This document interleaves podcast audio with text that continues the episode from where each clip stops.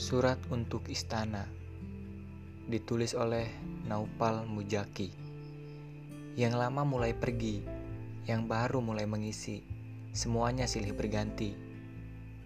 Untuk kau yang sedang duduk di singgasana istana Kami di sini bertanya-tanya Kapan hak kami terpenuhi sebagai warga negara? Pendidikan kami terasa seperti dikomersialisasi.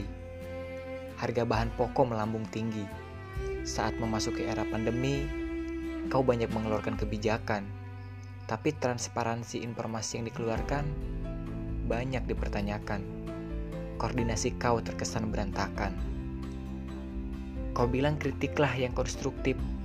Kami kritik, malah kami dianggap supersip.